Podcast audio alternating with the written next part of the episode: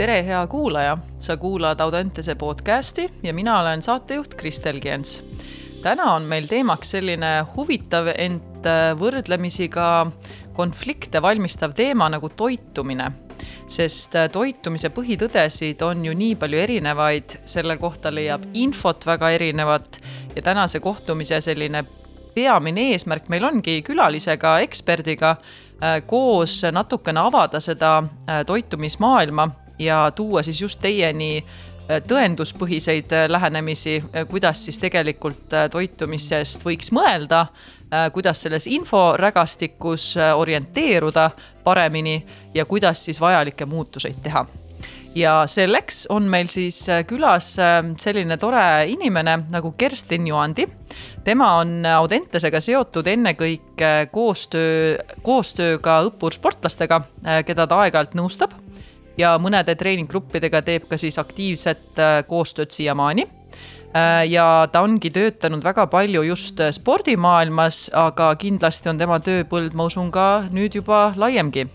nii et ähm, meil on väga tore, et ta on meiega täna saanud siin ühineda ja loodame, et see saade saab olema taaskord teadmisi laiendav ja praktilisi väljundeid pakkuv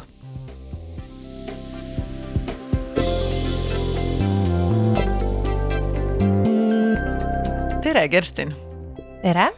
tore, et sa oled siia meie juurde jõudnud ja natuke ma juba sissejuhatuses sinu kohta mainisin ka, aga äkki sa tahad veel ise midagi välja tuua just selle osas, et äh, millega sinu nii-öelda töö igapäevad siis peamiselt seotud on mm? -hmm.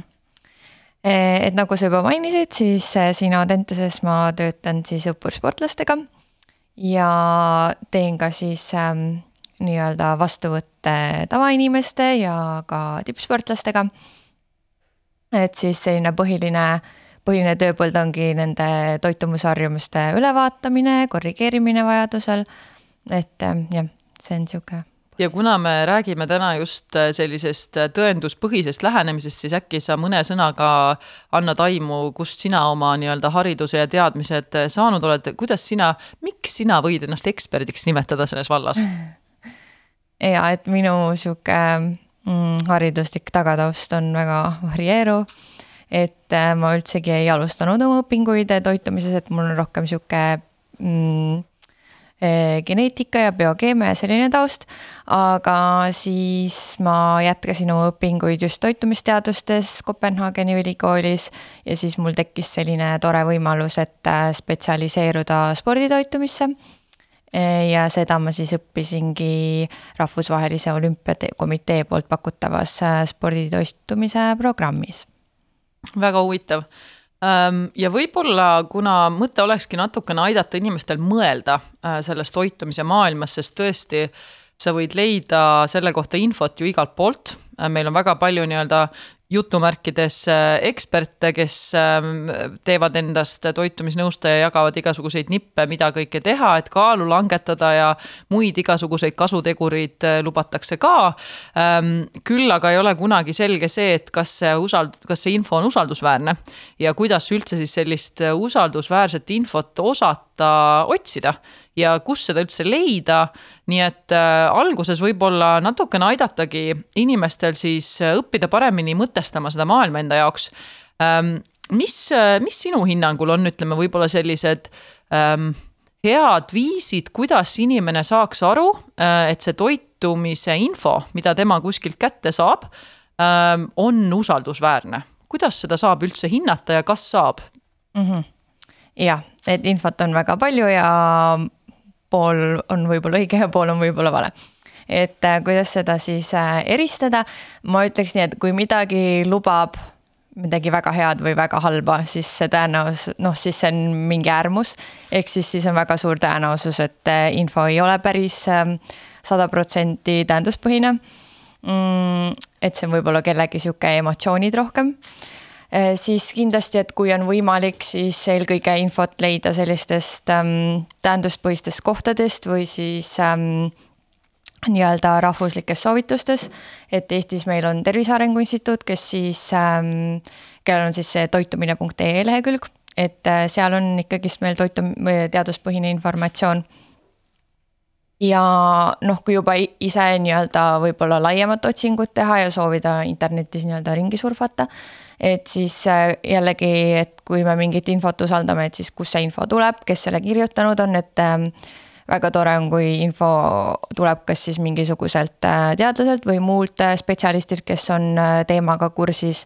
et jah, et mm, sihuke võib-olla elustiili influencer, kes ühel päeval promob Coca-Colat ja järgmisel päeval mingisugust supertoitu, et see ilmselt ei ole kõige sellisem usaldusväärsem infoallikas jaa, see kõlab nagu noh, üsnagi mõistlikult, et nüüd sa nimetasid juba ühte head allikat ka, toitumine.ee, et seal leheküljel ma vaatasin ise ka natukene seda kohtumist ette valmistades ringi, et, et näha just, et mida ja kuidas seal nii-öelda välja tuuakse ja tegelikult tõesti sealt leiab infot ka erinevate nii-öelda toitumis äh, kuidas siis öelda, ma ei tea, kas on õige öelda stiilide kohta või toitumisviiside kohta, et äh, oled sa siis äh, vegan toitu, oled sa taimetoitlane, oled sa nii-öelda kalataimetoitlane, et, et seal selliseid äh, juhiseid oli päris kohe kõigile, et mitte ainult selline üks püramiid, mida siis kõik inimesed peaksid nii-öelda jälgima, muidugi see oli ka seal olemas, mis on siis ka arvatavasti tõenduspõhistel allikatel põhinev, nagu ma olen aru saanud. Nii et hästi kihvt lehekülg ja väga kergesti ka kättesaadav, et seal infot oli väga toredalt äh, erinevate teemade osas nii et ka mina uudistasin sedasama lehekülge. Äh, ja siis äh, seesama Tervise Arengu Instituudi osas, et kas seal leheküljel on kuidagi kodulehelt võimalik leida infot, on seal mingi eraldi fail, mida inimesed võiksid vaadata, et kui nad tahavad süübida rohkem sinna sellesse mm, maailmasse, et kas on ka mingi raport olemas või mingi sihuke üks allikas või lihtsalt siis vaadata seal kodulehel ringi, et kuna Tervise Arengu Instituut ju tegeleb ka üleüldse laiemate asjadega või see toitumine.ee ongi nagu nii-öelda kõige parem äh, allikas? ma arvan, et nagu sellisele tavainimesele või huvilisele on see ilmselt kõige kergem ja lihtsam vaadata, et meil on tegelikult ka toitumis- ja liikumissoovitused, et seal on siis võib-olla niimoodi täpsemalt mm. -hmm. ja, ja see oli vist äh, nüüd kokku pandud siis koostöös erinevate ekspertide ja ülikooli professoritega isegi, kui ma nüüd õigesti olen aru saanud sellest mm -hmm.. okei okay., äh, ja sa ütlesid väga hästi sellise äh, toreda ja väga olulise punkti, mm, et äh, kui me midagi loeme kuskilt, et siis ennekõike tuleks vaadata allikat ja tuleks vaadata ka, kes selle kirjutanud on. et üks asi on ka ju see, mida me näeme ähm, ja sina jälle paranda mind, kui ma olen ise asjadest valesti aru saanud, aga kuna see valdkond mind huvitab, siis ma olen päris palju proovinud sellega ennast kursis hoida, et kui tuleb äh, mingisugune mm, allikas mm, välja, äh, siis sellest tehakse ju näiteks tavameediasse uudis. ja siis mainitakse, et teadusuuringud on näidanud, et ja siis sealt võib leida nii ühte kui ka risti vastupidist informatsiooni tegelikult. Ähm, siis kuidas saaks inimene suhtuda sellisesse uudisesse, ähm, sest seal ju öeldakse ka, et teadusuuringud näitavad et äh, mis sa soovitaksid, kui, millise filtri läbi võiks inimene sellist infot äh, siis hinnata, kui on isegi mainitud uudises see, et see on teadusuuringute põhinev mm? -hmm. Um, sa siis nüüd mõtled praegu, et kui seal uudises on nagu nii-öelda vastakad äh, arvamused? kui lihtsalt tuleb üks kord tuleb üks uudis ah, ja okay. siis tuleb teine mm. kord teine ja tegelikult, kui sa nüüd äh, suurt pilti üritad jälgida ja asjad kokku panna, siis tegelikult sa saad aru, et need on täiesti erinevad mm.. no selles suhtes see ongi teadus, et äh, et võib-olla ühel teadusgrupil uurivad mingi ühe nurga alt, tuleb üks vastus. Ähm, teine teadusgrupp uurib teise nurga alt, tuleb teine vastus ähm, mõlemad võivad õiged olla, mõlemad võivad valed olla, et ähm, et jah, et ühe uuringu põhjal ei saagi midagi põhjapanevat öelda. et äh, uuringute puhul ongi oluline see, et kui mitu korda on seesama asi välja tulnud, et siis ikkagist nagu siis on info usaldusväärne ja seega, et noh, et kui me nüüd süübimegi sellesse, et kuidas me loeme äh, teadustöid, et siis on oluline sellest ka aru saada, et kuidas see teadus või see uuring on üles ehitatud, mis meetodeid on kasutatud. et see ka kõik mängib rolli. Ja, ja see hästi hea tähelepanek just, et üks uuring ei pruugi veel midagi nii-öelda näidata, et seal peaks olema siis neid palju, äh, mis ühte ja samma suunda nii-öelda liiguvad ja annavad siis mingit alust. et kui äh, ma vaatasin natukene neid äh, Äh, noh, ma ise natuke loen seda teaduskirjandust ka aeg-ajalt, aga, ja kuulan ka erinevaid äh, teadusel põhinevaid podcast'e ja seal on ka välja toodud, et äh, erinevaid põhjuseid ja tegureid, et miks tegelikult toitumisuuringuid on väga keeruline teha. et me küll ei pea sinna üldse süüvima, aga lihtsalt ma arvan, et kuulajal võib olla ka väga huvitav mõelda, et aga miks see siis nii on, et üks teadusuuring näitab ühte, teine näitab teist ja kui mõelda üldse toitumisest ja selle uurimisest, siis ilmselgelt kõik inimesed tegelevad sellega, see on tegelikult väga oluline teema, mõjutab ka meie tervist. aga lihtsalt, et kui sa saaksid lühidalt anda võib-olla mõned mm, mõtted ka, et normaliseerimaks, et miks see nii võib olla, et see äh, toitumise uuringud näitavadki väga erinevaid asju, et sa mõnda asja juba mainisid, et et sõltub sellest, kuidas see tehtud on, on ju, kelle peal see tehtud on, et mis sinu hinnangul on mõned sellised võib-olla üldised äh, raskuskohad, äh, kui asi puudutab toitumisteadust mm? -hmm no ma arvan, et hästi paljude uuringute puhul on see, et tegelikult uuritakse mingi ühte, ühte toitainet ja võib-olla selline kõige parem näide kõigile arusaadav on, et äh, kuidas mingisugust valguefekti uuritakse. et see on ikkagist nagu puhtalt valgupulbri pealt enamasti, et keegi ei uuri, et kuidas ähm, mingisugune toit, mis sisaldab valku, siis mõjutab ükskõik siis, mida uuritakse. Mm, et see on pigem selline nagu ja noh, enamus toitainete puhul on see üks mingi selline välja võetud komponent, et me tegelikult ei pruugigi teada, kuidas see nagu meie üldises menüüs mõjub, kui kõik ülejäänud toitained on ka juures. ja no teine asi on see, et äh, väga paljud äh, uuringud on ikkagist lühiajalised, et kui mingisugune uuring läbi viiakse Mm, ja teine asi on see, et kui hästi siis nagu nii-öelda need ümbritsevad faktorid on kontrollitud, et ja tihti, kui võrreldakse mingisugust või no kas just hästi tihti, aga ütleme, et vahest, kui uuritakse mingisugust nii-öelda siis tervislikumat varianti ja ebatervislikumat varianti, siis selle tervisliku variandiga koos kaasneb see, et paneme nüüd inimese liikuma, et ta teeb trenni ka, aga see ebatervislik variant siis nii-öelda selles toitumisuuringus võib-olla ei liiguta ennast nii palju, et tegelikult see liikumine sealjuures ka mõjutab tulemusi, et me noh, keeruline on niiviisi nagu vaadata et selliseid sekkuvaid faktoreid mm -hmm. on, mhm. ma saan aru, päris palju ja kontrolli alt väljas olevaid asju on palju, et ma tean, et on ka tehtud selliseid kliinilisi katseid, kus siis kontrollitakse kõike seda, et äh, reaalselt inimesed ongi kindlas kohas, kus neile serveeritakse menüü ja kõike mm -hmm. seda mhm. nad söövad, rohkem nad midagi ei tarbi. ja see on Aga väga kallis. just, see on uuring. väga kallis, ressursikulukas inimestele, e, inimestele kui ka uurijatele ja, ja samas ka tegelikult ei, ei meenuta ta eriti ju tegelikult igapäevaelu mm, -hmm. et sa võid võid sealt küll saada mingisugused analüütilised andmed, aga kui palju see on ümber tõlgendatav siis sinna igapäevaellu ja tavaellu on jälle, jälle isemoodi küsimus. ja samuti ka see, et äh, kui mu nüüd äh, lühikene nii-öelda sissevaade sellesse mm, probleemistikku paika peab, siis äh, ka paljud need uuringud on ikkagi enese raporteeritud küsimustike või, või muude meetodite peal, mis äh, eeldavad seda, et inimene teab täpselt, mida ja kui palju ta söönud on ja ta oskab seda kirjeldada, ta oskab seda programmidesse panna. Ja samas on ka uuringuid, mis on näidanud seda, et äh, tegelikult inimeste enda hinnang on väga kaldu, äh, kui nad ise peavad meenutama ja sisestama neid asju, et mis nad siis tegelikult tarbinud on et hästi keeruline ja, ja samas jällegi äh, nii oluline teema, et ei saa seda ju jätta ka üldse tähelepanu alt välja ja ja eks see ongi selline teaduse väga huvitav osa ka, et kuidas siis teha selliseid uuringuid, et päriselt sellist adekvaatset ja igapäevaellu ülekantavat informatsiooni saaks siis kätte. ja kindlasti toitumisteadus tundub olevat väga keerulises kohas sellega, et seda nii-öelda hinnata. Äh, aga hästi et kui, kui minna nii-öelda nüüd natukene siis sellelt üldiselt äh, teaduselt sellesse ka, et luua pisut konteksti, et ja palju räägitakse probleemkohtadest ka, et mis üleüldiselt äh, meedias võib-olla läbi käivad, et kuidas üldiselt Eesti ühiskonna seis on ja, ja kuidas inimestel selles vallas läheb. Ähm, ma vaatasin natukene siin ähm, viimast äh, sellist jällegi Tervise Arengu Instituudi äh, poolt läbi viidud see, see küsitlus, üsna laiamahuline küsitlus, mida nad siis teevad aastast aastasse. Ja seal äh, tutvusin siis nende viimaste andmetega kaks tuhat kakskümmend aastast, kus on siis küsitud ka eestlaste harjumusi, kus nad peavad siis väljendama, et kuidas neil viimase seitsme päeva jooksul äh, puu- ja köögivilja tarbimine on, kui tihti nad seda teevad, mis koguses nad seda teevad ja noh, jällegi enesekohane küsimustik, ehk siis ei tea ju täpselt, kui hästi või mitte hästi sellele vastatud on. aga kui ma seda natuke vaatasin ja siia süvenesin ka, et siis siit ikkagi joonistuvad välja üsnagi suured murekohad, kui ma nendele andmetele otsa vaatan, et tegelikult see inimeste protsent, ähm, kes siis tarbivad äh, puuvilju, köögivilju kuuel-seitsmel päeval vähemalt, on kõikides vanuseklassides maksimaalselt viiskümmend kaks protsenti, enamus on seal kõvasti allpool.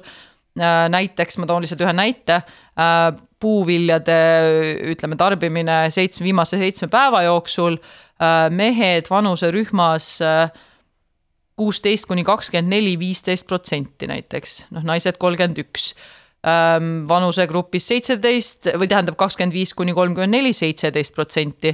Ja, ja noh, see on nüüd siis nii-öelda meeste osakaal, eks, ja noh, naiste oma on natukene parem, et see on ka huvitav, et siin andmeid vaadates tuligi välja, et tegelikult kuidagi meeste nagu see käitumised või, või söömisharjumused, mida nad siin vähemalt on väljendanud, on natukene nagu allpool võrreldes naistega. aga samas äh, need numbrid üleüldiselt, kes on seal ligilähedal sinna soovitusele, on ikka päris mõtlemapanevad et oskad sina kuidagi anda meile aimu, äh, miks see nii on, et kui tegelikult infot ju justkui on ja need toidupüramiidid on ju olnud siin tänavatel ja ja ilusti näidatud kujundlikult väga ilusate joonistega, et mis seda põhjustab, mis need peamised põhjused võivad olla, et sellised protsendid just kõige paremas kohas meil vähemalt viimase selle küsitluse andmete põhjal justkui ei ole? Mm? -hmm noh, ma arvan, et osaliselt sellest, et elu on nii kiire, mugav on ju haarata midagi, mis on juba poolenisti valmis või täitsa valmis ja noh, enamasti seal valmis karbis ei ole köögiviljad ja puuviljad.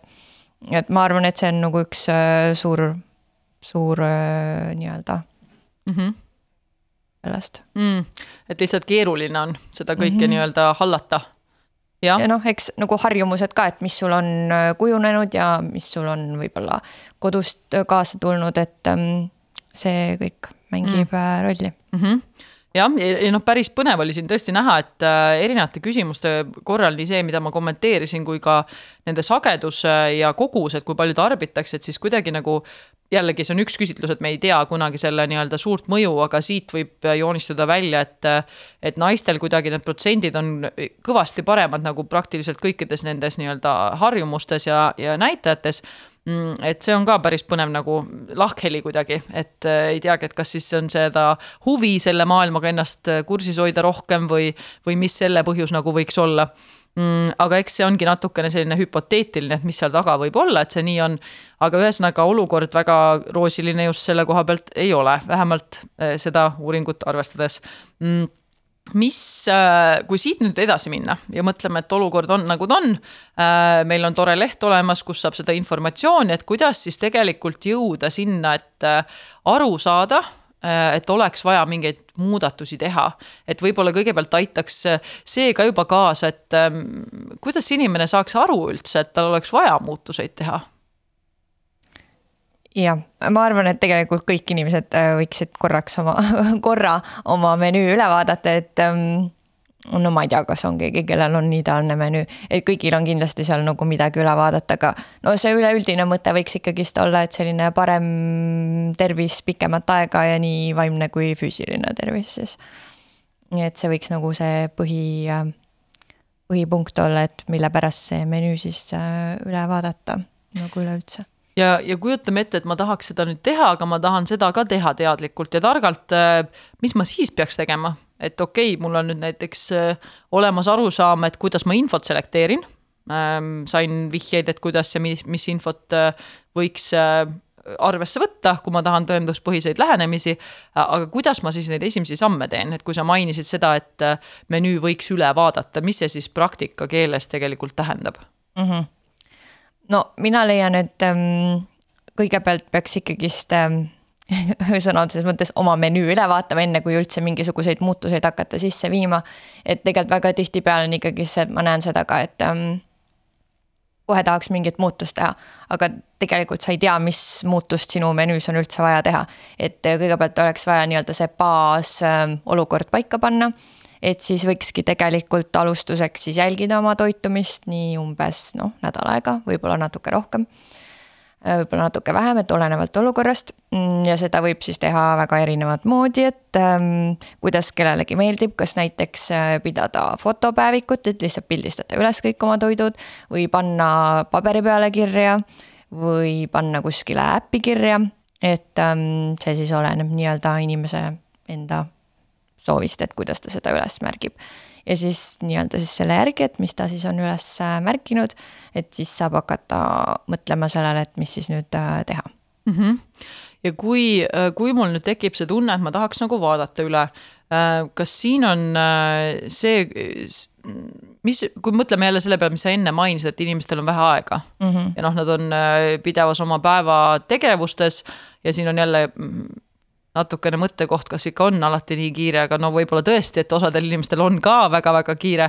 Ähm, et kuidas seda teha võimalikult lihtsaks, seda ülesmärkimise ja oma menüü nii-öelda jälgimise protsessi.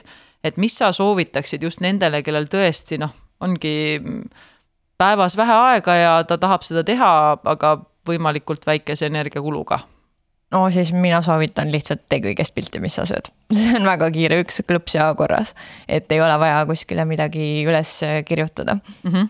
aga noh, siis on jällegi see, et eh, siis sul peavad ikkagist olema teadmised või siis ähm, nii-öelda abi mingisuguse professionaali poolt, kes siis sul aitab üle vaadata seda, millest sa seal pilti oled teinud.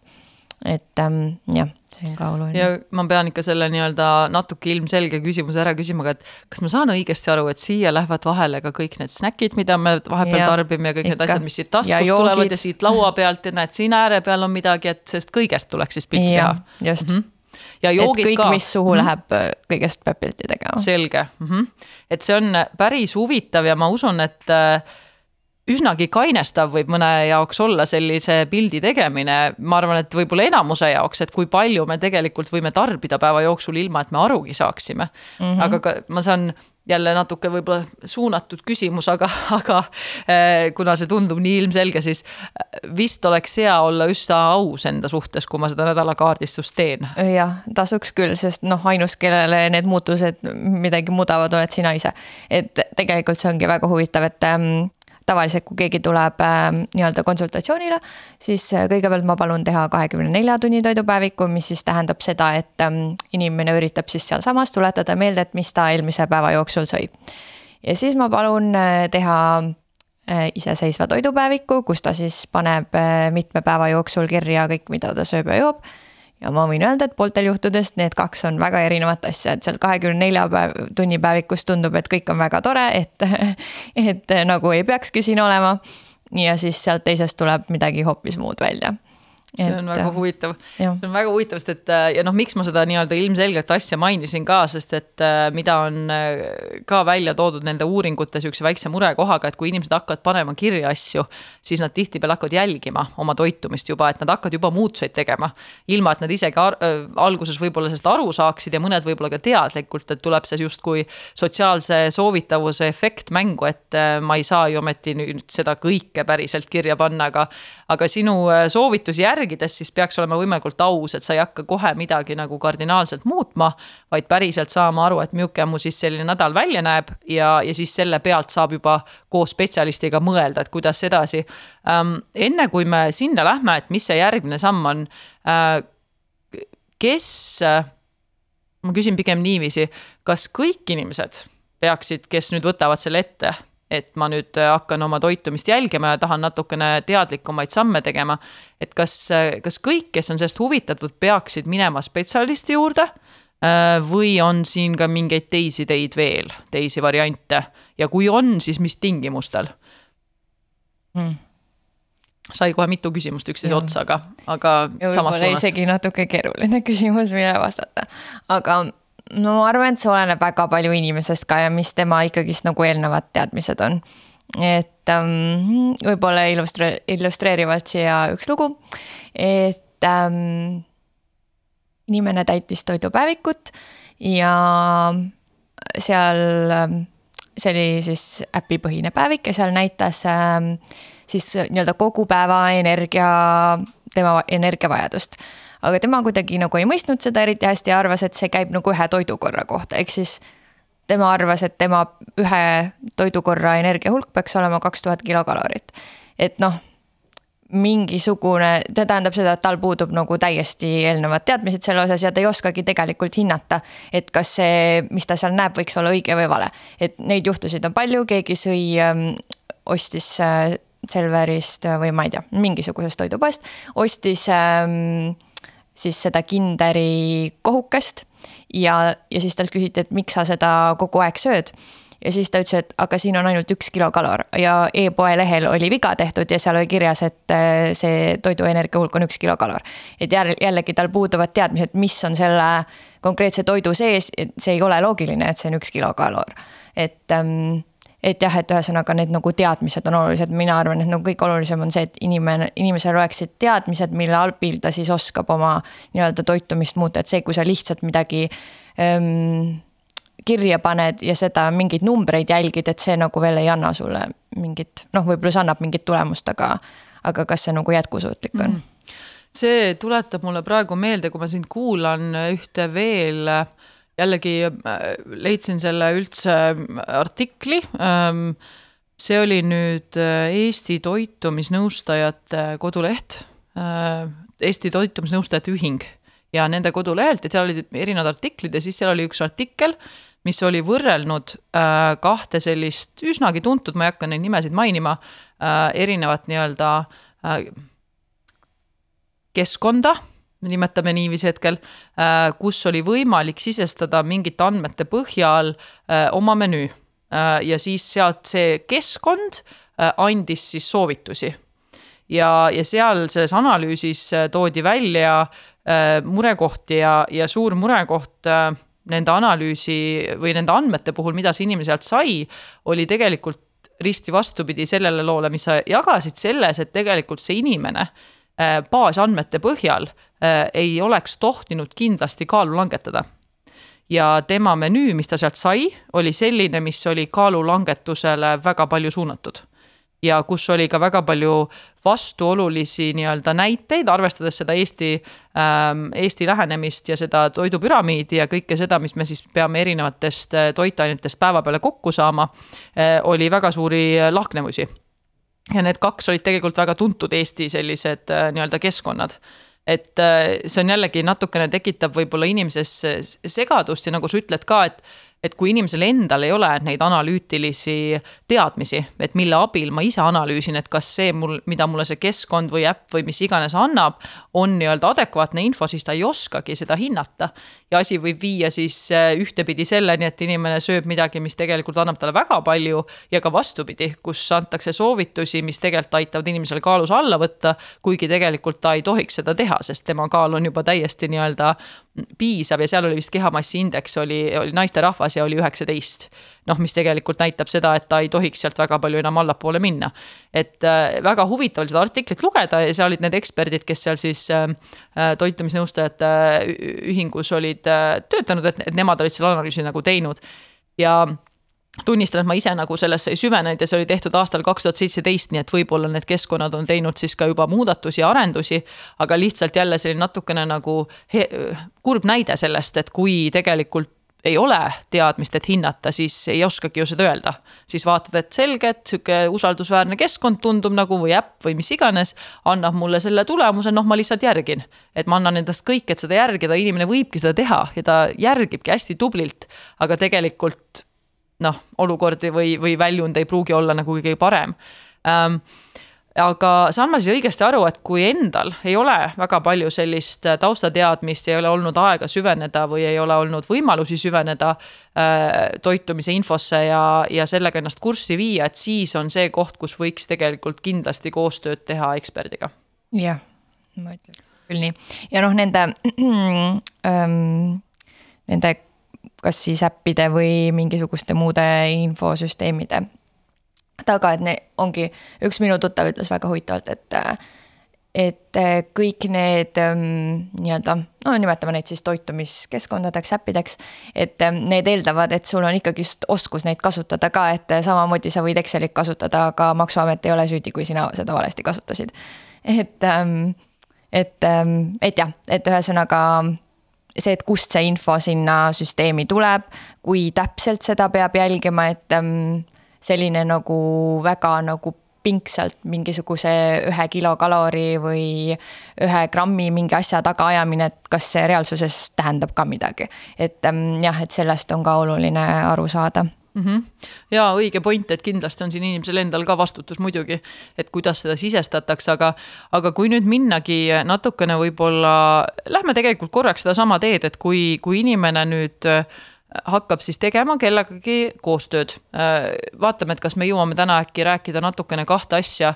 ma ei tea, kas sa tahad seda teha paralleelselt või eraldi, aga et kui oleks üks inimene, kes teeb seda iseseisvalt, kellel on mingid taustteadmised olemas, kuidas tema võiks lähtuda pärast seda nädalast analüüsi ja sissevaadet ja teine, kes siis otsustab eksperdiga koostööd teha. et vaataks, et kas me saame nagu kahte teed äh, mõlemat tutvustada. aga kummast sa ise tahaksid alustada, et? Ma arvan, me võime neid äh, niimoodi paralleelselt äh, ka mm -hmm. vaadata. nii, esimene samm on tehtud, äh, üks inimene sai siis äh, juhendid, et tuleb jälgida oma nii-öelda nädalast plaani. ta on selle kirja pannud, on selle üles pildistanud ja teine on siis see, kes on näiteks seda teinud nädal aega ja on kogunud andmeid ja nüüd on siis selles hetkes, et mis ma nüüd selle andme, andmetega peale hakkan mm. -hmm. mis on samm edasi mm. -hmm korra veel tulen võib-olla selle juurde tagasi, kes siis selle äh, spetsialistiga nõu pidas, et ma võin korraks rääkida, et kuidas siis see nii-öelda vastuvõtt või see välja näeb. et äh, kui inimene tuleb, et siis kõigepealt ikkagist kogutakse sellised andandme, algandmed, et kui palju tal on endal teadmisi, mis on tema hetkeseis, äh, milline on tema füüsiline aktiivsus ja kõik muu selline info, mis sinna juurde käib. ja siis ähm, noh, see on erinev, et kuidas iga spetsialist teeb, aga mina siis tavaliselt palun ikkagist teha sellise kahekümne nelja tunni toidupäeviku. ja siis ähm, annan mingisugused algsed juhised võib-olla. ja, või siis võib-olla ei anna, võib-olla ma palun tal teha seda toidupäevikut, et siis mitte mõjutada seda, mis ta sinna kirja paneb. et siis ma võib-olla enne ei taha nii väga nagu öelda, et mis, mis see muutuma peaks, aga pigem siis võib-olla sihuke eesmärkide kaardistamine ka ja et siis ta panebki kirja oma selle menüü seal mitme päeva vältel, olenemata siis, et kuidas ta valib seda üles panna. ja siis, siis me analüüsime seda menüüd ja siis me vaatame, et mis on selle head kohad ja mis on kitsaskohad mm. Ja noh, sellel teisel inimesel siis tuleb seda iseseisvalt teha, siis noh, arves, arvatavasti siis lihtsalt oma menüüd jälgida või noh, nii-öelda siis kirja panna ikkagist, et mis see jälgimine tähendab ja noh, sealt edasi siis äh,. ma korraks küsin, et kui see inimene teeb seda iseseisvalt, siis äh, kas tal on näiteks vahet ka, et kuidas ta seda kirja paneb, et äh, kas sul on juba mõni soovitus näiteks mingi kindla programmi osas, kuhu kindlasti tasuks nagu neid asju sisestada või oleks parem see esimene ring teha lihtsalt nii, et inimene teeb seda, kuidas talle mugavam on, et ta ei hakka üldse mõtlema selle peale, et ma juba see esimene kaardistus, ma teen selle kuskile programmi jah, ma arvan, et see pigem ei, ei mängi rolli, et pigem on lihtsalt see, et vali see viis, mis sulle, sulle mugav on. et tegelikult ega see on selle teise variandi puhul ka, et ma alati küsin, et mis varianti sina eelistaksid, et kas sa tahad lihtsalt paberpliiats, teha pilti, äh, kirjutada kuskile programmi, ma ei tea, kombineerida neid midagi. et ähm, jah, ja no siis tuleb hakata seda menüüd üle vaatama et noh, esiteks siis, mida võib vaadata, on äh, see, et ähm, milline on see regulaarsus, kuidas ta sööb. Äh, millistel kellaaegadel ta sööb, kui suured on toidukordade vahed. Ähm, siis võib hakata vaatama, et ähm, kas kõik nii-öelda toidu või noh, mitte kõik toidugrupid, aga kas siis on piisavalt varieeruv see menüü, et on erinevatest toidugruppidest toidud. Äh, toidugrupi sees ka varieeruvad valikud siis äh, me võime ka niimoodi nagu toitaineliselt vaadata, et kas siis kõik need põhilised kolm makrotoitainet, mis on siis süsivesikud, valkod, rasvad. et ähm, kas igas toidukorras on need olemas mm,? et jah, et need on sellised nii-öelda esimesed asjad, mida siis äh, jälgida ja noh, ega sellel inimesel, kes seda iseseisvalt teeb ma nagu soovitan ikkagist neid samu asju jälgida, et, ähm, et see on nagu see põhiline, mille pealt siis ähm, neid muudatusi sisse viia. ja noh, siis tulebki ära kaardistada, et mis on need põhilised kohad, mida peaks muutma. ja siis oluline on see, et öö, üks või kaks muutust korraga, et mitte mitte tekitada sellist olukorda, et äh, võtame kõik toidud välja, mis sa praegu sööd ja paneme mingid täiesti uued asjad asemele, et see kindlasti ei ole jätkusuutlik, et pigem võib-olla nagu muuta selle inimese enda toitusid natuke või toiduvalikuid natuke või mingit ühte asja, et no näiteks nagu me rääkisimegi nendest köögiviljadest ja juurviljadest, et võib-olla kui sa üldse ühtegi köögivilja ja juurvilja ei söö, et võib-olla alustada sellega, et sa sööd ühe puuvilja päevas või näiteks lõunasöögi kõrvale natukene salatit.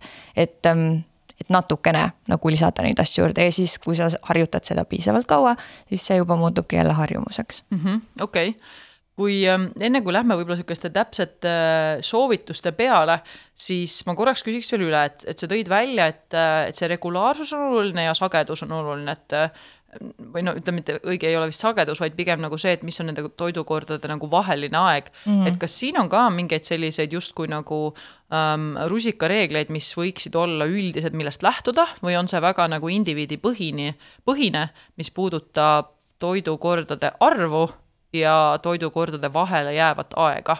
kas siin on üldse võimalik panna mingeid selliseid üldiseid juhiseid? ma arvan, et toidukordade arv on üpris individuaalne, aga see vaheaeg võib olla ikka sihuke nagu noh, ütleme keskmine soovitus on ikka sihuke kolm-neli tundi seal vahel. et siis on, et siis ei ole ikkagist nagu see piisav koguaegne snäkkimine, et veresuhkur on kogu aeg üleval mm. -hmm. ja noh, hammaste mõttes ka, et kui seal nagu närid kogu aeg midagi, siis. ja miks see hea ei ole, et veresuhkur ei oleks üleval?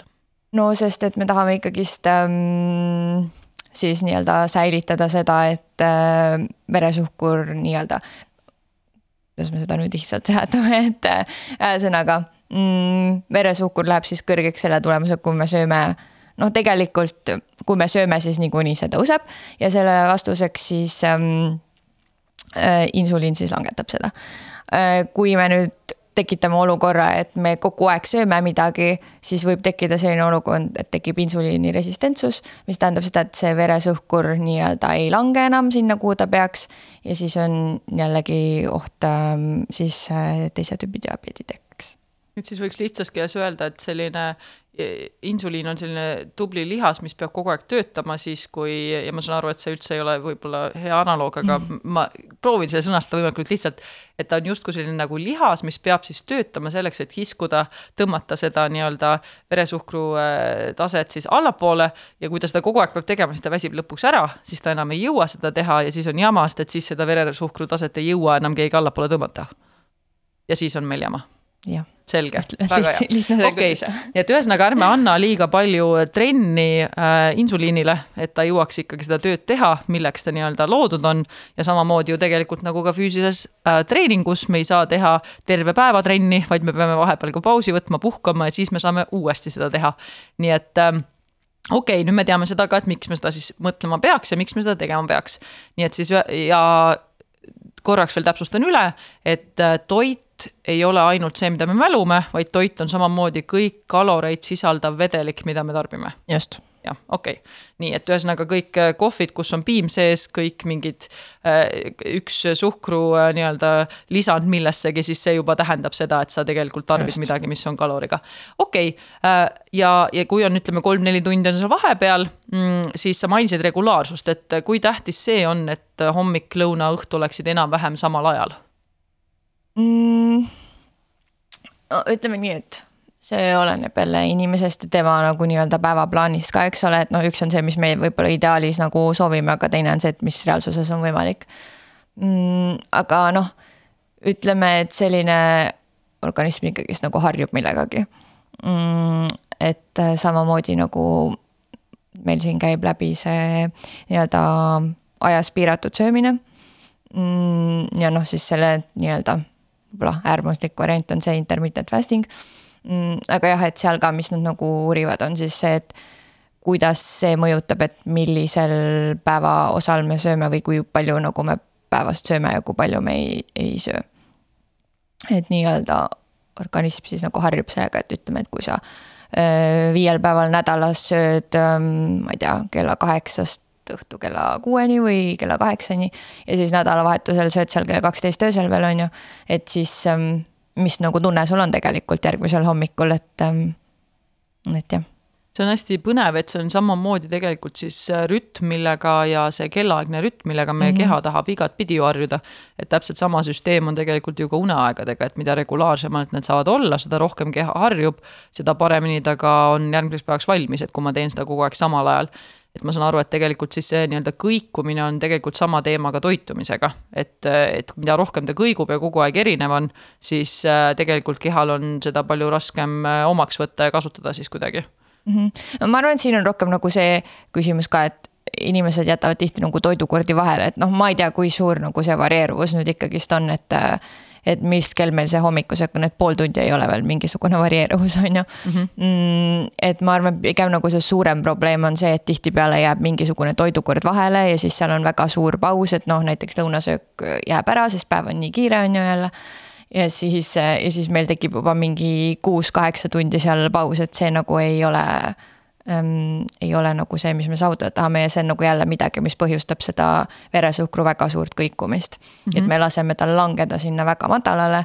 ja siis tuleb jälle sihuke väga suure kaarega ülesse.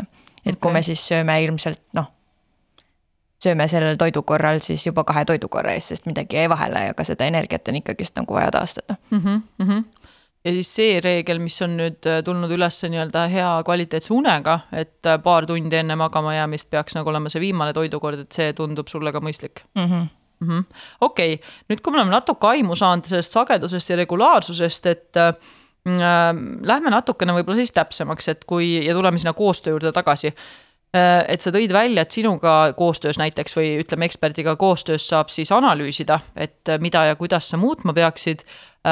Kas on ka mingid sellised võib-olla kõige olulisemad asjad, mida tasuks nagu oma menüüs üle vaadata või millest võiks alustada, kui jällegi tuleme selle juurde, et mõni inimene teeb seda ise? Ja nagu sa ütlesid, et äh, üks-kaks muutust korraga, aga samas, kui ta seda tervet menüüd analüüsib, ta võib-olla võtab siin head materjalid ette ja siis avastab, et oi-oi-oi, et mul on ju see asi ja see asi ja see asi, et äh, mille alusel nagu otsustada, et millest ma alustan, et äh, mis võiks olla kõige niisugused olulisemad äh, muutused, kui neid üldse saab niimoodi välja tuua? ma arvan, et alustada tuleks sellisest nagu laiemast, laiemast nii-öelda mm, mõttest siis, et mitte minna väga spetsiifilisest.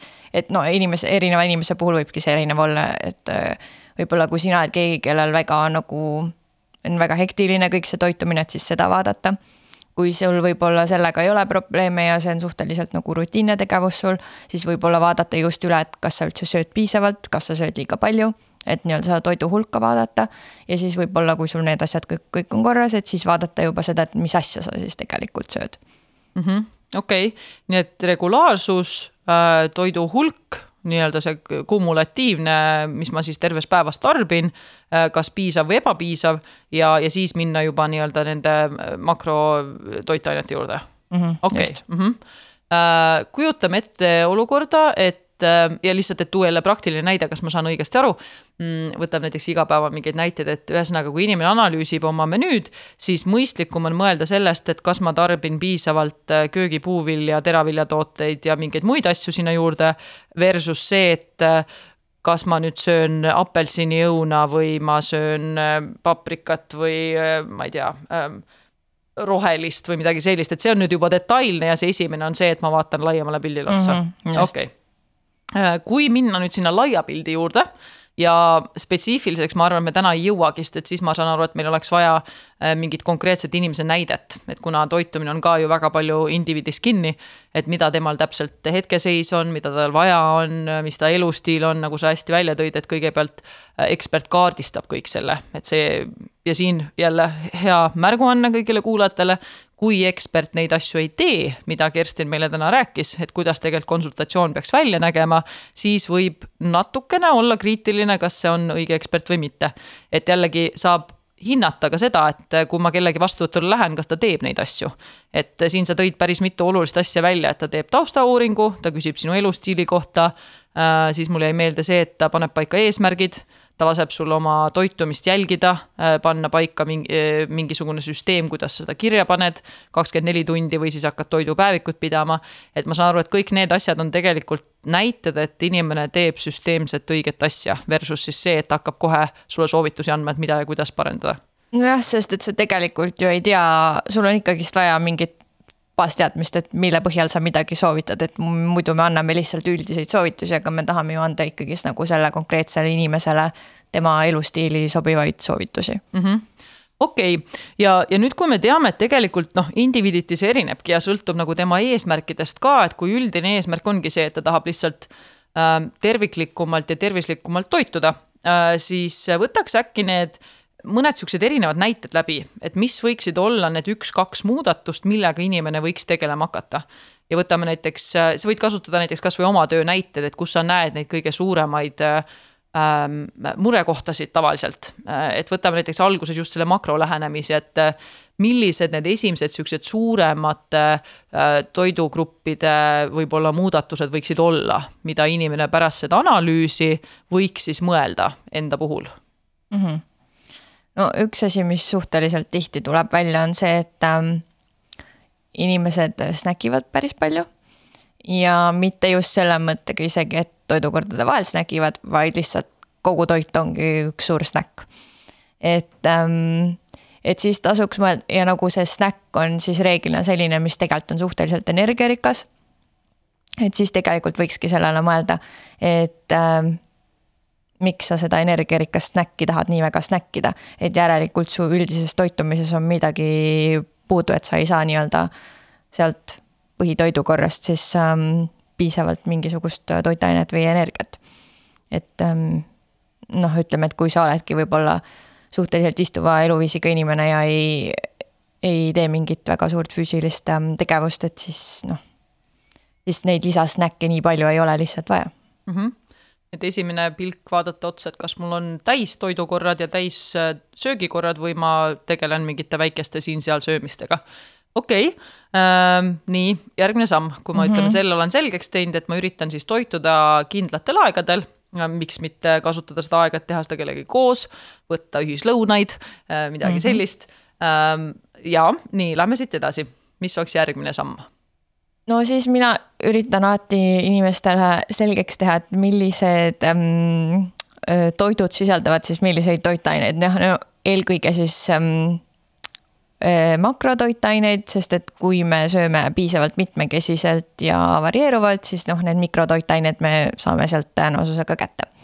Et siis jah, et millised näiteks on head siis äh, energiarikaste süsivesikute allikad, millised on head valguallikad, millised on head rasvaallikad ja millised on siis ähm, nii-öelda selle köögivilja, puuvilja, mis sinna alla siis kõik kuulub, sest et ähm, uskuda või mitte, see tekitab ka segavust, segadust mm, -hmm. et mis see köögivili siis ikkagist on ja mis see puuvili siis ikkagist on.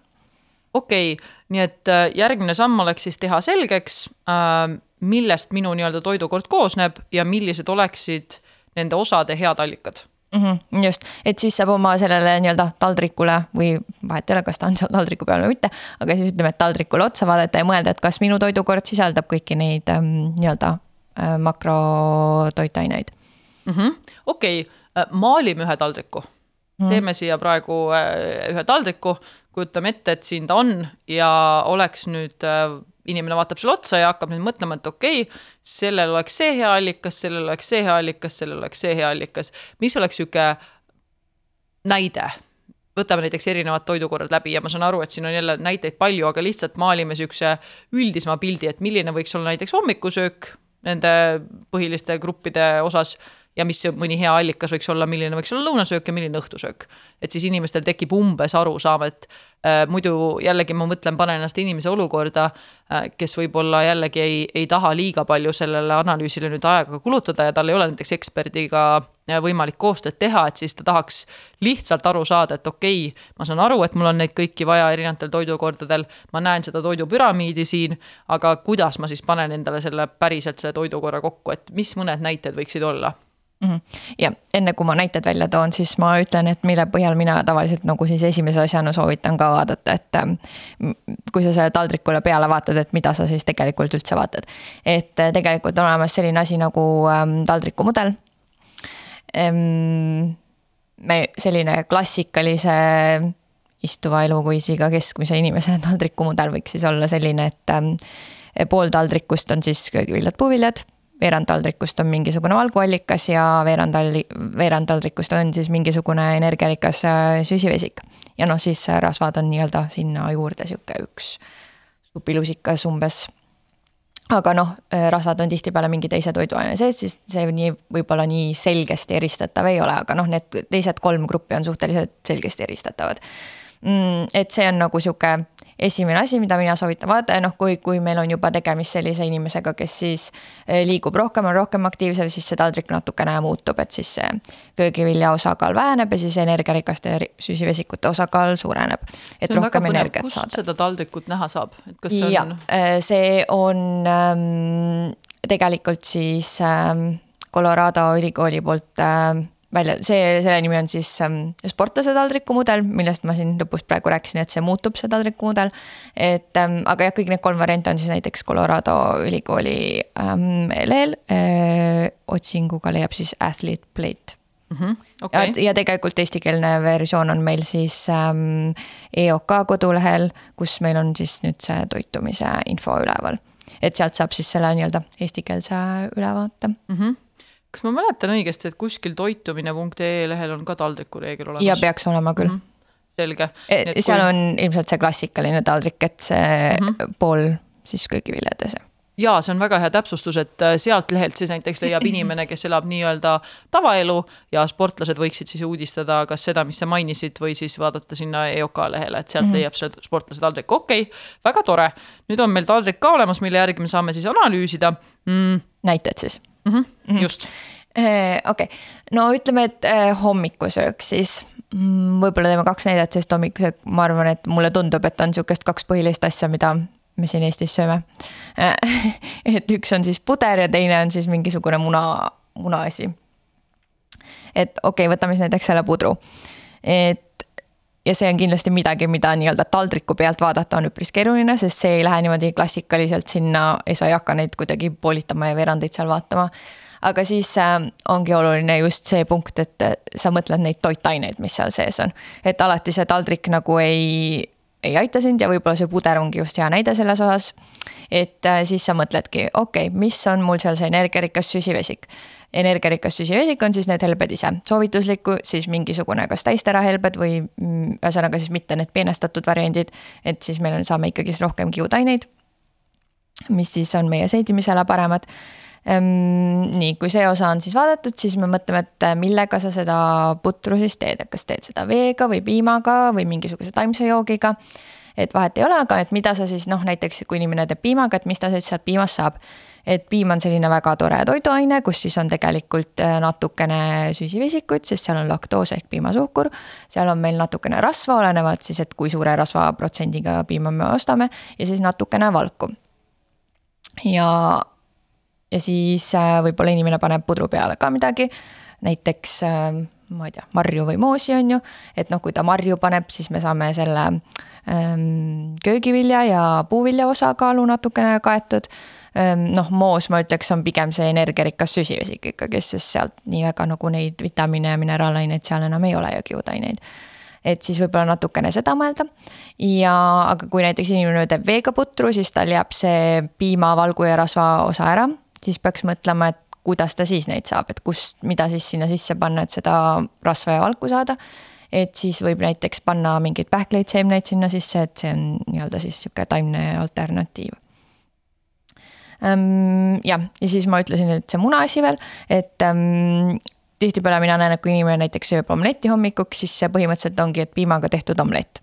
aga siis neid energiarikkaid süsivesikuid seal tegelikult selle toidu juures ei ole, et okei okay,, võib-olla ta sinna sisse on isegi pannud mingit paprikat ja värki, on ju mingisugust köögivilja, aga see energiarikas süsivesiku osa jääb siis nagu täitsa ära, et siis võib-olla ongi hea mõte mingi näiteks seemneleib või teistera-sai või midagi sellist mm -hmm. sinna kõrvale süüa. okei okay nii, lõunasöögi paar näidet mm..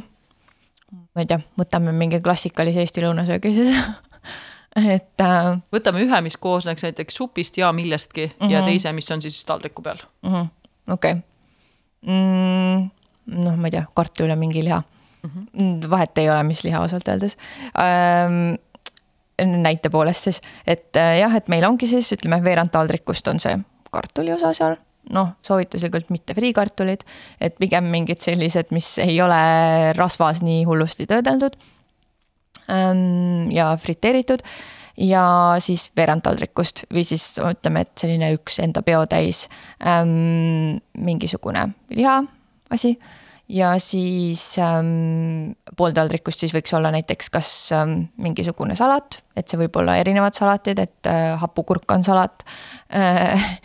tavaline nii-öelda köögivili on igasugune salat.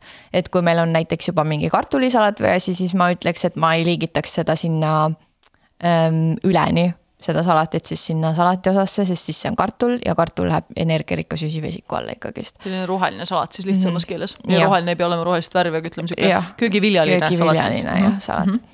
-hmm. jah, ja siis näiteks äh, võib teha mingi kombinatsiooni, et sul on näiteks veerand on salat ja siis on näiteks üks puuvili kõrval või sa võid, noh, kuidas endale nii-öelda meeldib mm. -hmm. nii et puuköögiviljad peaks olema pool -hmm., okei. -hmm. ja noh, ütleme, et kui me selle nagu osakaalu võtame, siis pigem võiks olla nii, et kaks kolmandikku siis köögivili ja üks kolmandik puuvili. et mm -hmm. noh, ütleme kogu päevasest tarbimisest siis sellest ähm, see soovitus on vähemalt viis köögi- ja puuvilja, on ju, et siis võiks olla kolm nendest portsjonitest köögiviljad ja kaks siis puuviljad, rohkem on jälle huvitav, sest näiteks seal selles uuringus, mis ma enne rääkisin, seal selles üle-eestilises, seal oli just vastupidi, et puuviljade tarbimine oli paremas seisus, kui oli köögiviljade tarbimine. no ilmselgelt jah ja,. et see on, aga jällegi arusaadav, sest et ütleme, me näeme võib-olla tänaval inimest, kes hammustab õuna, aga me nii tihti ei näe, kes hammustaks porgandit ja. või kurki ja. või midagi sellist, et jah, see on, see on huvitav, okei okay,, nii ja nii, supiga sup.?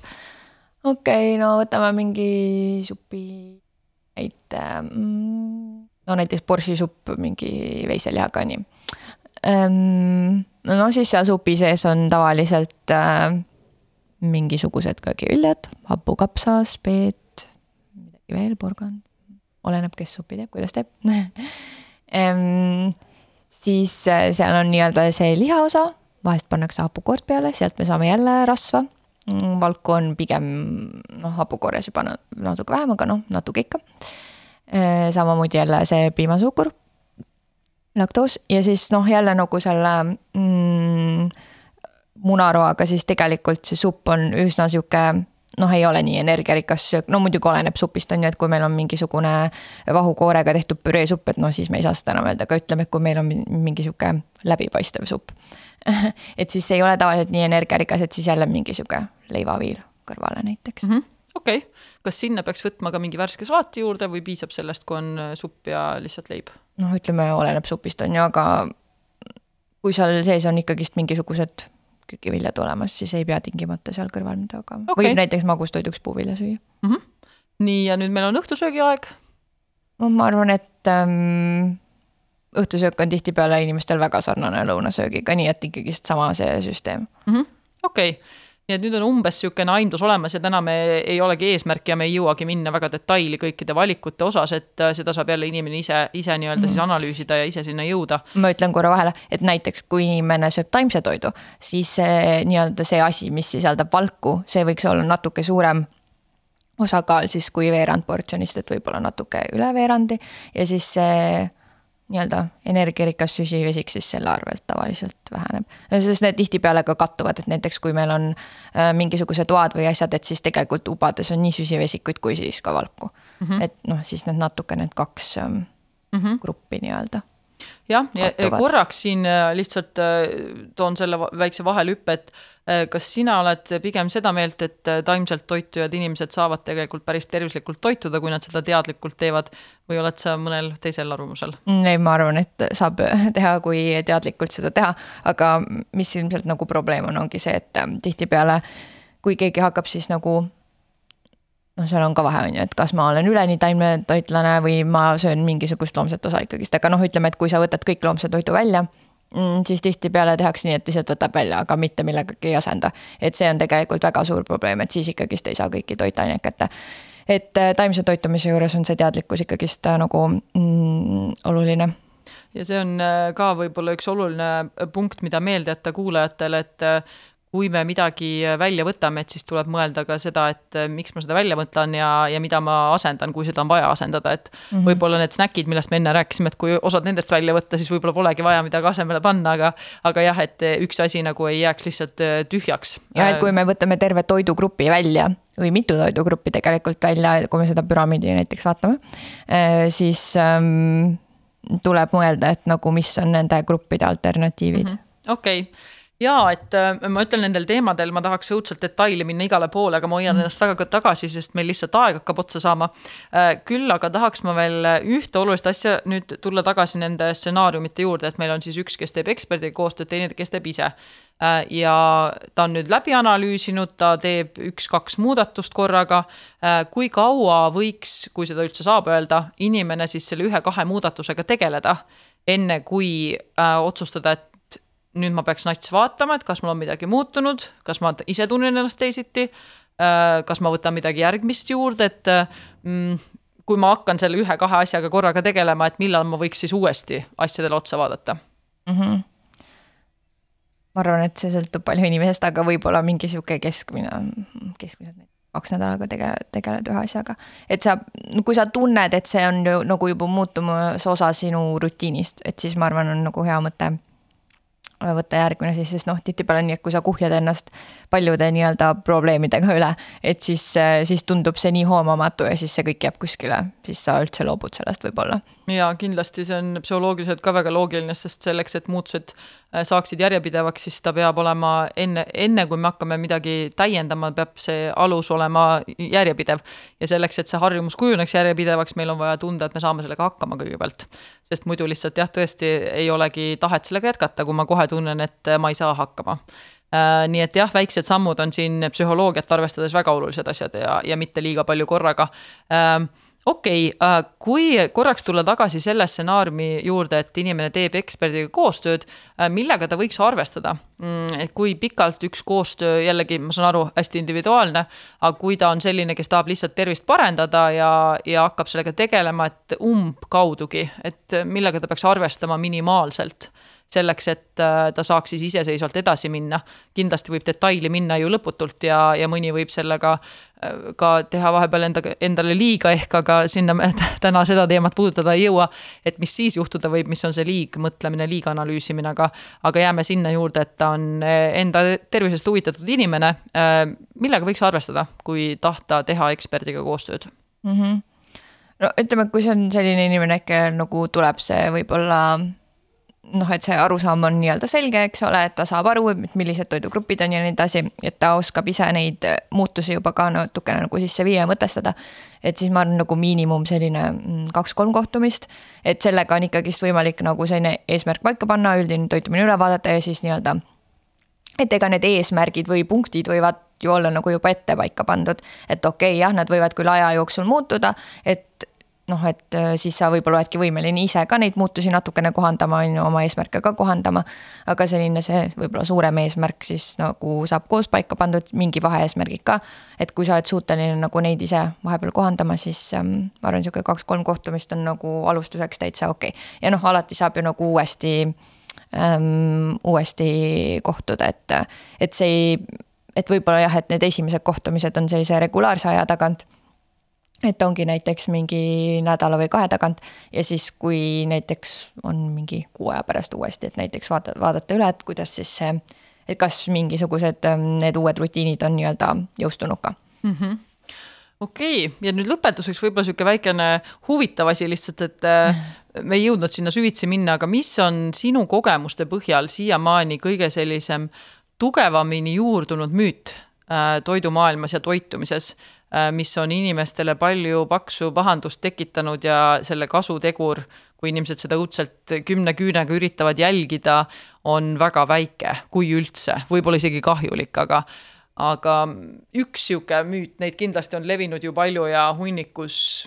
alates, ma ei tea, sellest, et äh, šokolaadi on vaja tarbida kuni selleni, et äh, ja ma ei ütle üldse, et šokolaad alati halb oleks, on ju, aga, aga ütleme see, et seda on kindlasti vaja või siis, äh, või siis see, et äh, mingi asi tekitab sinus suurepärast õnnelikkuse tunnet, kuni ma ei tea, selleni, et rasvad on jube halvad ja teevad meid täiesti paksuks ja neid ei tohiks üldse tarbida, et äh, mis siiamaani on võib-olla niisugune väga üldlevinud müüt, mis noh, võiks sellest lahti lasta ma siis siin välja toon. ja ma saan okay. aru, et neid on palju um,. no kuna mina töötan peamiselt nagu sportlastega, siis ma mõtlen korraks selles valguses, et um, mis väga tihti läbi käib, on see, et mitte mingisugust nii-öelda snäkki ei või süüa. E, ütleme, et siis ongi mingit maiustust ei või, et parem on, kui ei söö ühtegi maiustust, parem on, kui ei söö ühtegi, no mis iganes kellelgi sinna snäki alla kuulub. et tegelikult ikkagist nagu sellist liigset piiramist ei ole vaja ka teha, et kõik on nagu mõistlikkuse piires, et okei okay,, kui ma söön iga päev kotikommi, siis on tõesti halvasti.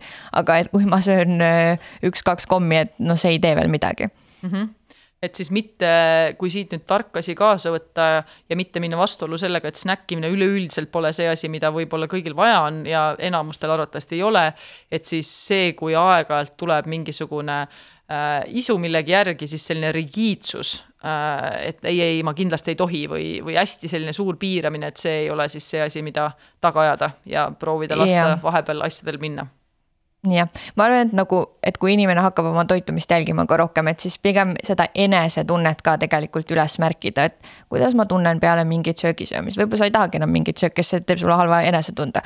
aga kui sul on tunne, et ma tahan iga päev kell kümme ühe kommi süüa, siis palun, söö mm. -hmm ja see oli väga huvitav punkt, seda ma lihtsalt võib-olla natuke täiendaks ka, et äh, psühholoogia valdkonnast äh, tehti, on ka tehtud äh, selliseid natuke nagu uuringuid, kus on kasutatud just toitumisraskustega inimeste puhul, sõltuvalt siis, mis häired neil parasjagu on või mis raskused neil selles on, on kasutatud ka sellist teadveloleku praktikaid, selleks, et inimene oleks hästi teadvel ja kohal terve söömisprotsessiga ja see on pannud inimesi tegema muutused iseenesest. näiteks inimene, kellel on olnud liigsöömishood, kus ta sööb hästi palju korraga ja sööb just niisuguseid äh, väga magusaid asju, näiteks noh, muffineid ja järjest kakskümmend tükki, et siis on harjutatud, äh, õpetatud teda äh, kasutama kohaloleku oskuseid selleks, et olla selles protsessis täielikult sees, tunnetada seda tekstuuri, maitseid, kõiki selliseid asju ja päris hästi on see toiminud selleks, et inimene saab aru, et issand, et see ei olnud üldse meeldiv.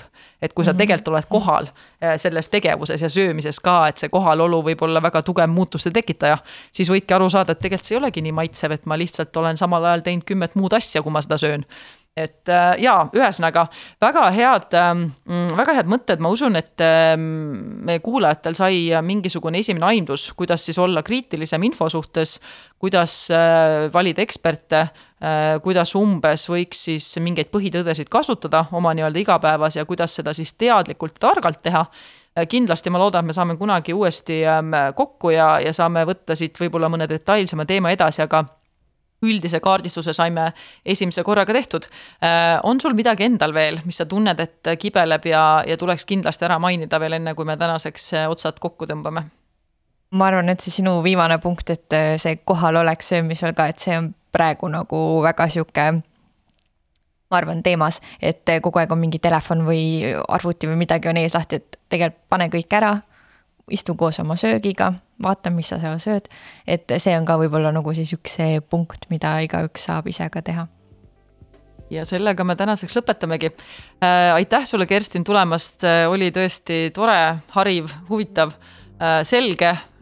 Ja mina tänan väga ka kuulajaid, et te kaasa kuulasite, loodetavasti mõtlesite, äkki teete mingeid muutuseid, uudishimulikult vaatate oma asjadele otsa ja ootame teie mõtteid kindlasti, kirjutage meile äh, podcast.audentes.ee ja senikaua jälgige meie tegemisi kodulehelt www.audentes.ee, aitäh! thank you